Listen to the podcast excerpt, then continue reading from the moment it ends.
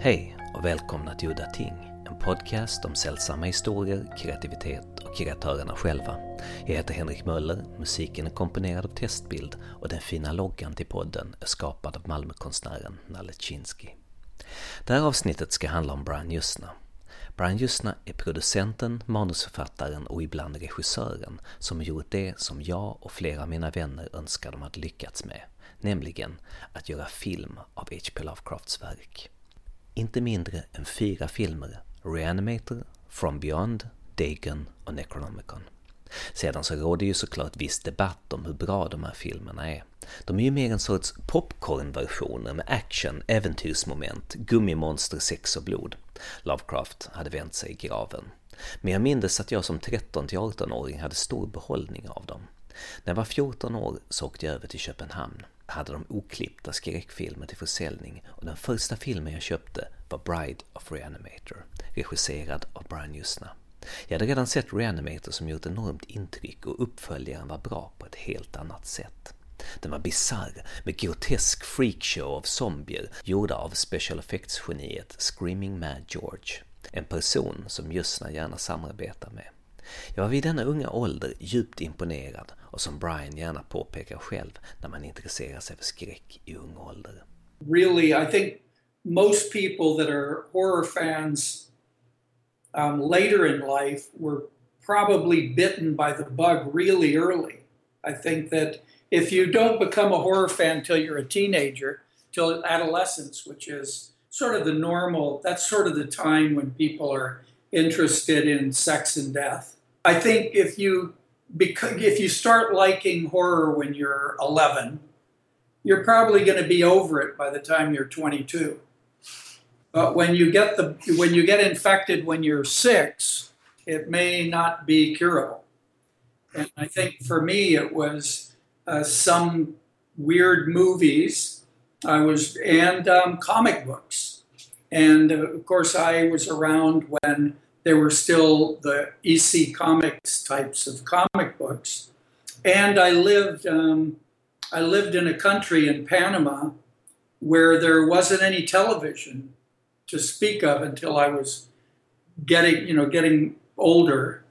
So there was really movies, and there was comic books, and um, I lived in a in kind of a third world country where people told stories in the evening that were very horrific and believable, you know, very superstitious. And it all, and I was brought up as a Roman Catholic. And I think the best horror comes out of the Roman Catholic tradition.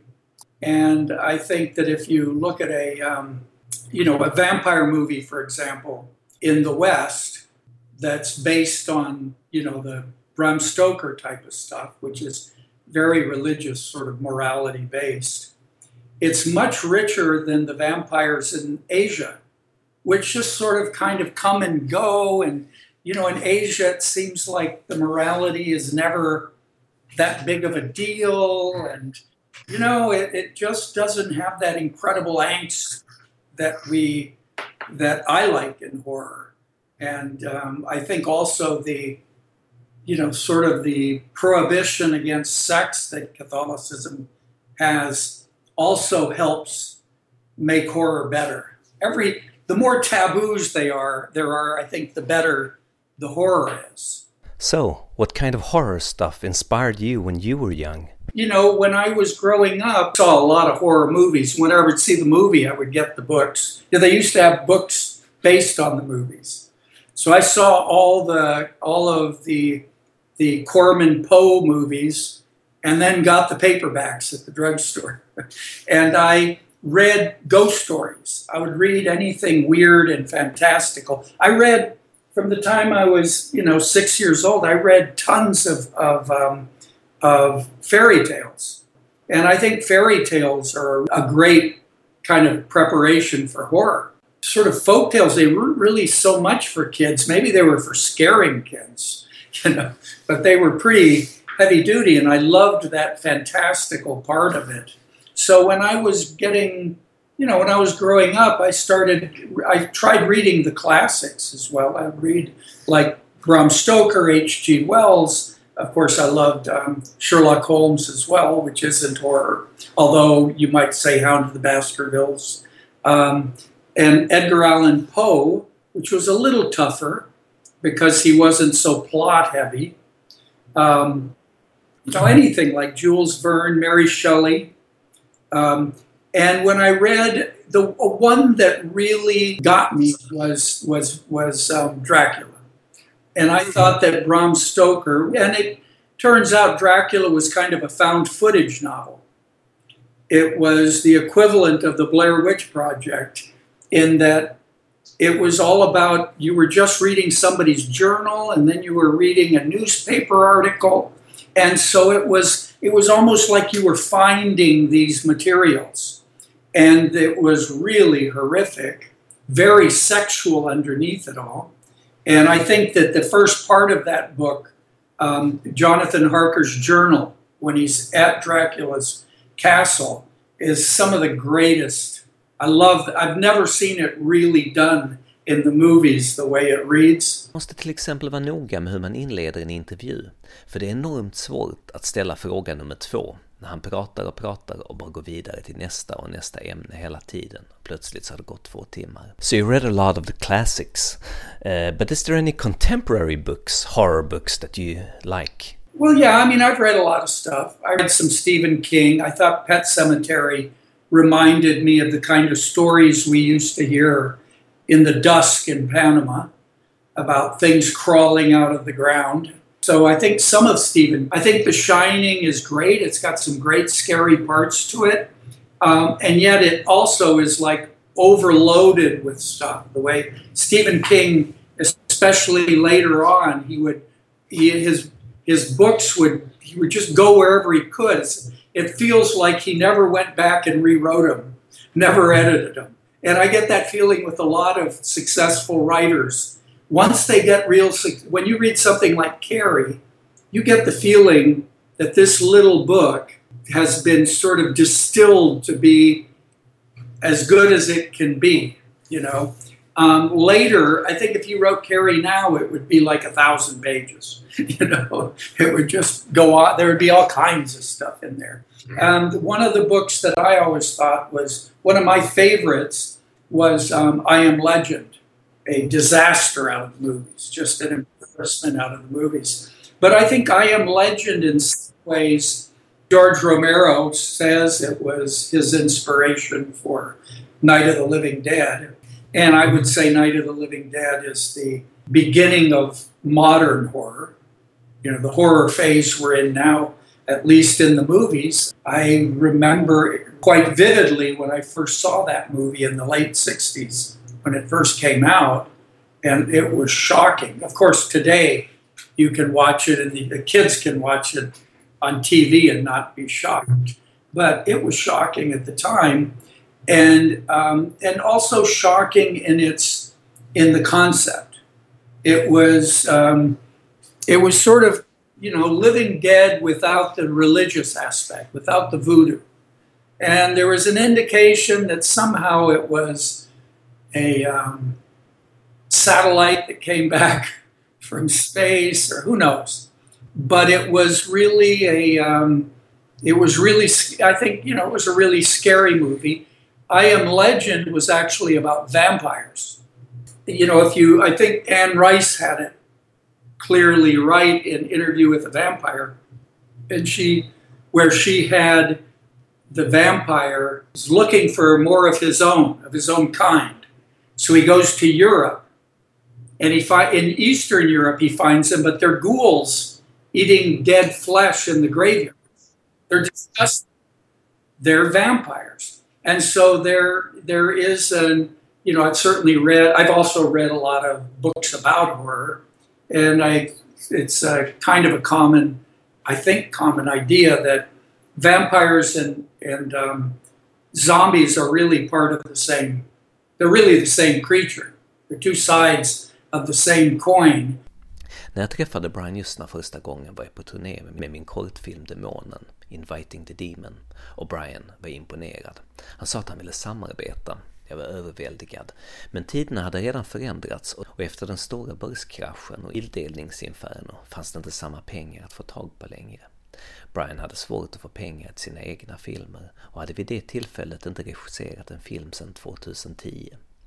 Vad som gjorde intryck på mig var också Brians skamlöshet. Han pratade om pengar, pengar, pengar och tjäna pengar. I Sverige är det otroligt fult, men det var just det som var nyckeln till hans framgång och en egenskap som jag helt saknade i mitt eget konstnärskap. Trots sitt prat om pengar hela tiden och att man har svårt att få en syl i vädret under ett samtal är Brian Jösna en person som han på något oförklarligt sätt gillar direkt. Could you tell me about Reanimator and how you started making Lovecraft films? When I made Reanimator, I didn't I'd never read Reanimator, but when I met Stuart Gordon um, and with the idea of having him direct a movie, he had already developed Reanimator. So he already had made a script for a TV show. So it was a 50 page script. And, um, and I loved the idea, but I didn't want to make TV. I, I wanted to make a feature. So then we, we developed the script into a feature film script. So at that point, then, of course, I read the stories. And of course, the reanimator stories are not cosmic horror. They're not the typical Lovecraft stuff. It's actually very um, traditional monkey's paw, you know, telling stories of people crawling out of their graves in the dusk. You know, it's that kind of gritty, um, kind of old fashioned horror. And I love that part of it. Um, and so we developed, so then from that, making that movie, then I started thinking, then we looked for another Lovecraft movie to make. Even while we were shooting it, we said, oh, let's make another one. And so then um, Stuart suggested Shadow over Innsmouth. And so I hired um, Dennis Paoli to write a, a script based on it. And except I called it Dagon because I didn't like, I thought the title Shadow over Innsmouth was too vague and soft. And I like the name Dagon because it seemed mysterious and strong, you know. And, and it is connected because Dagon is the monster. Um, of course, it took almost 20 years to get that movie made through a lot of circuitous um, developments. Um, but then we then we had a deal to make another Lovecraft movie. And at that point, then I started getting serious. And I had a partner of mine at that time who was a lawyer, went to Washington, D.C. to the Library of Congress. This is, this is before internet, of course. You couldn't look anything up unless you went to the library and to look up the copyrights. So what I did is I just started reading all the Lovecraft short story compilations. So I just read everything and then picked out the stories that I thought would make cool movies. One was From Beyond, and the other one was The Dreams in the Witch House. And we ended up going with From Beyond because it had a machine. And a machine is always good. You know, you kind of want to have a central image, you know.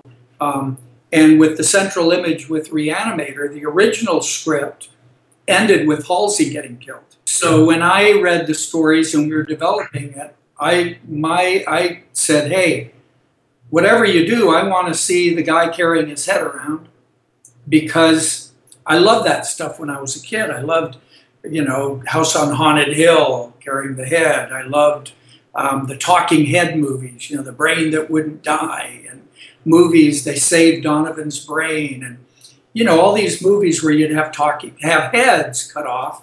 And I remember there was a comic book called Harold Hedd, where he was just a head, but he had great powers. He could float around, and um, and actually he couldn't. He could get all the women to fall for him, but he couldn't do anything except with his tongue.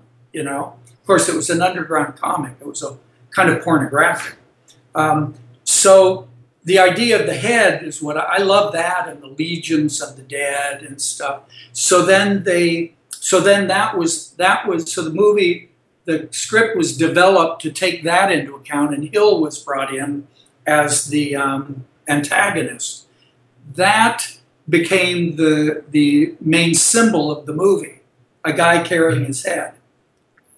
In fact, so with From Beyond, you had the symbol would be the resonator, this this thing that would take you to another dimension, and so that that helped. I think that helps a lot.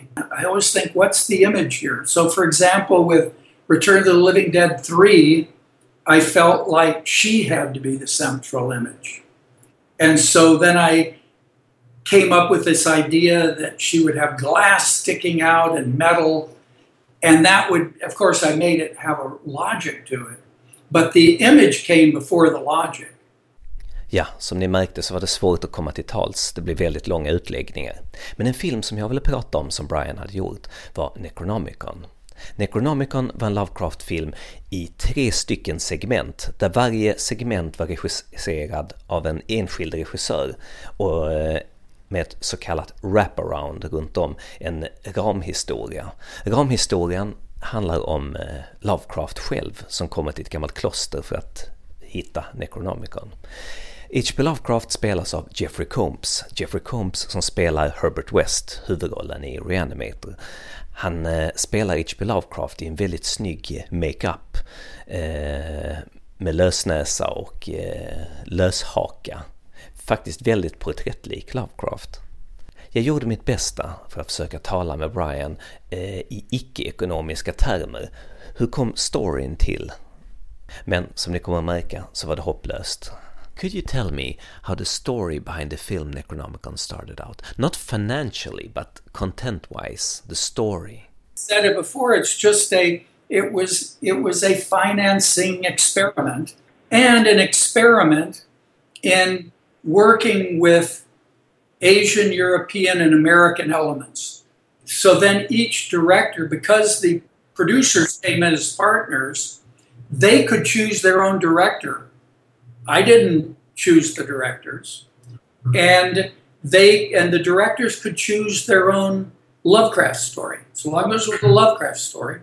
And then they could have their own writer write it. And then I had a writer in LA rewrite all the stories with the director just to make it all be in the same format and that we could make sure that the storytelling style was kind of a Hollywood style because sometimes a European director will tend towards making something that's not as clear. And so it'd be very, um, what is considered ambiguous, although I'm, I don't quite buy that because I think ambiguity should be, it could be A, B, or C.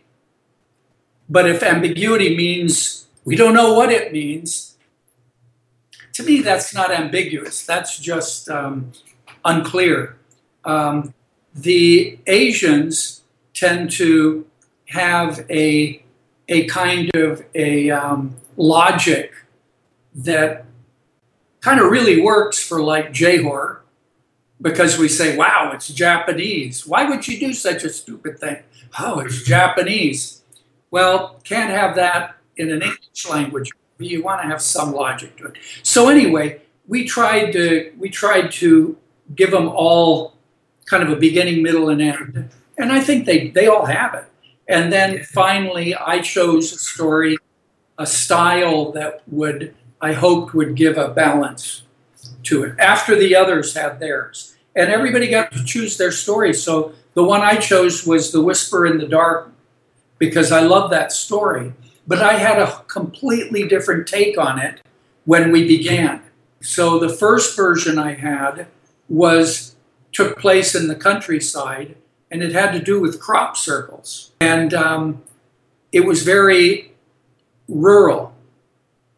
But then after the um, Christoph Gans took um, what he called Hotel of the Drowned, and um, Shusuke Kaneko had cool air, then I thought that maybe I needed something more gritty and dirty, something more urban and you know a little more nasty or something.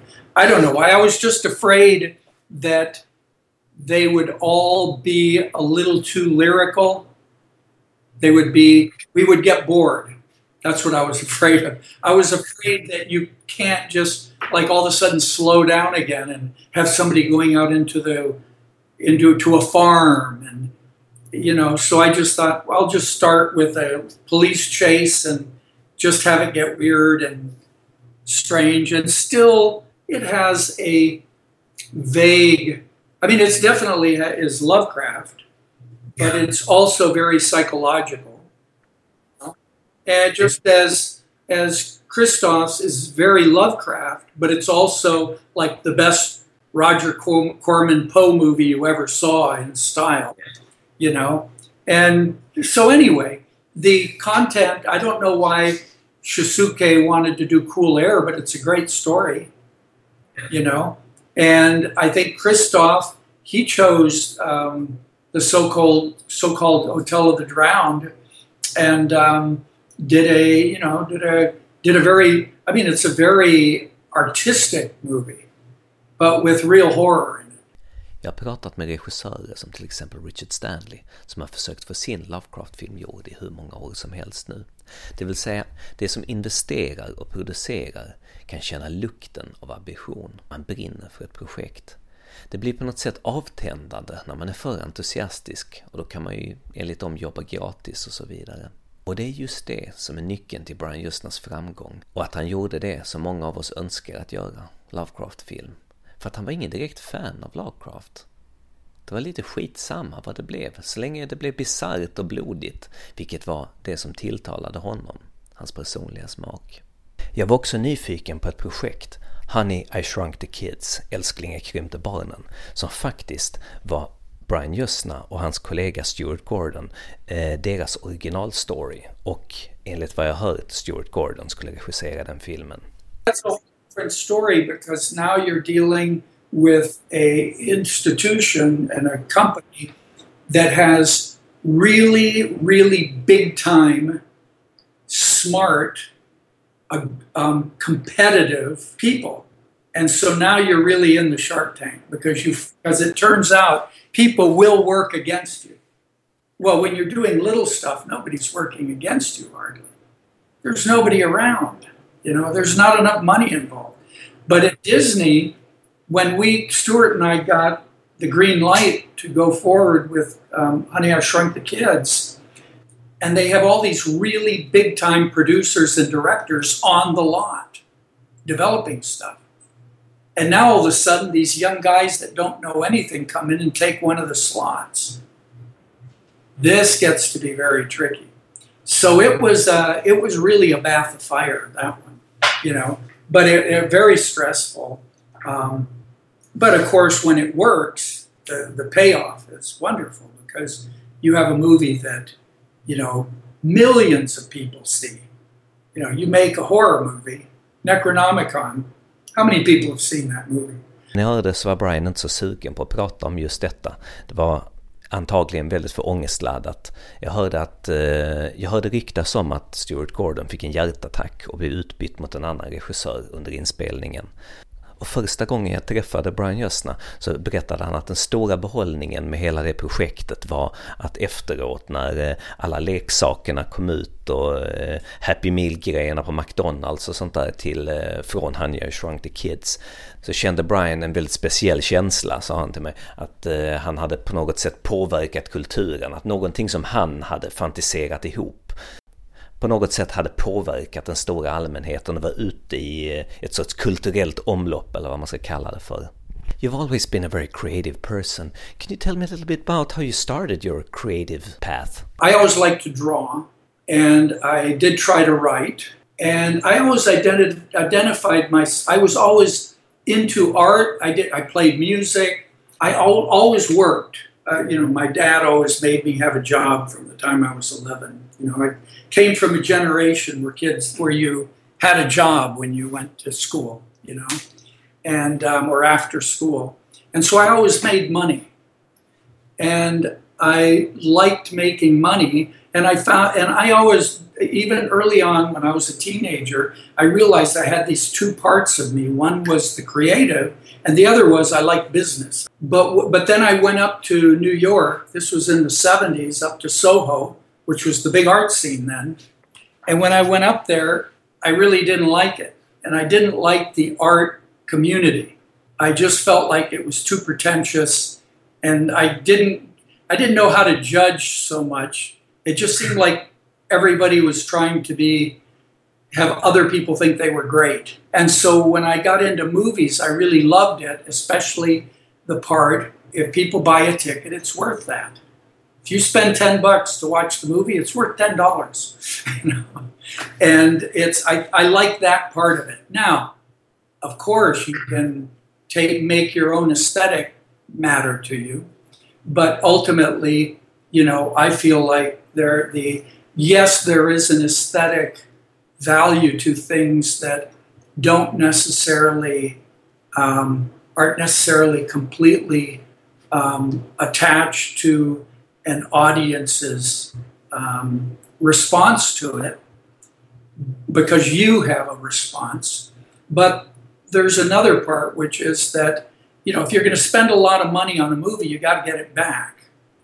I always like the idea of being a professional movie maker, making my living doing So in a sense, I think I would have gone a lot further in the movies if I had found the person I admired the most and just apprenticed myself to them for nothing, just to learn at a high level. But I didn't. I learned from the streets. So I've always done things on my own and tried to adjust my my thinking according to my experience. The first time I tried making a movie, I had a 16 millimeter movie camera, and I really loved the process. And I would watch it; I thought it was wonderful.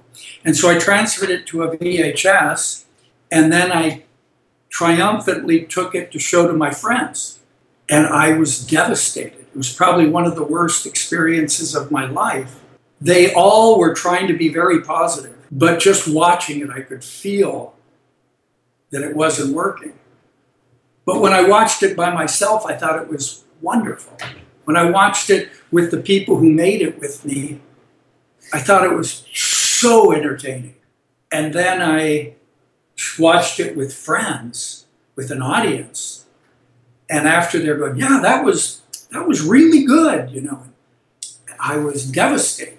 Not, then after that, when I would finish a feature, when I finally, this is, you know, back before digital and all that, but when I would finally get a copy of it, say with um, Bride of Reanimator, and then I would get in my bedroom with my TV and I would watch it all alone. And I enjoy the hell out of it. I love it. and then I knew it would never be that again because that was just the the pleasure of having completed it and seeing in it the things that I saw while I was making it and see the struggle that it was, but not have to deal with the objective part of it, which is the struggle doesn't communicate. Quite frankly, once people watch the movie, it starts not being yours starts being theirs. And uh, you know, I've been through a lot of that. It's very painful to to make a movie and then have to watch it with people. It's very painful. It's never as good as you wished, and it's never as bad as you're afraid.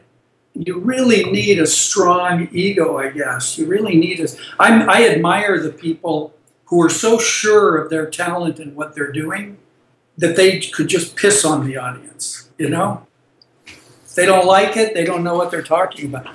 I don't feel that way. I'm always I'm always being hurt by the response.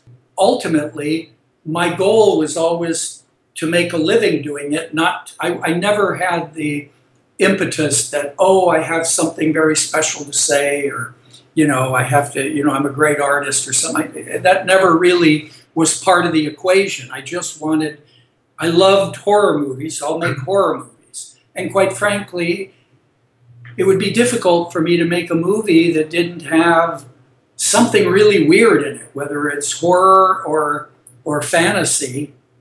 I just it, it would just leave me flat. So I tend to just always go there. And sometimes I think, gee, why haven't I had bigger successes? Why haven't I why why aren't I a much bigger a bigger guy in the industry? Because I am an egotist. I think I'm as smart and talented as any of those fools, right? Um, so then you think, well, that wasn't really your goal, was it? and that sort of goes with that whole be careful what you wish for. If you wish just to make, if you wish to make a living making movies, that maybe you get what you get, and maybe you find out as you're going is other people are getting a lot more out of it. You know, maybe I should um, change the goalpost a little bit, but that's hard to do.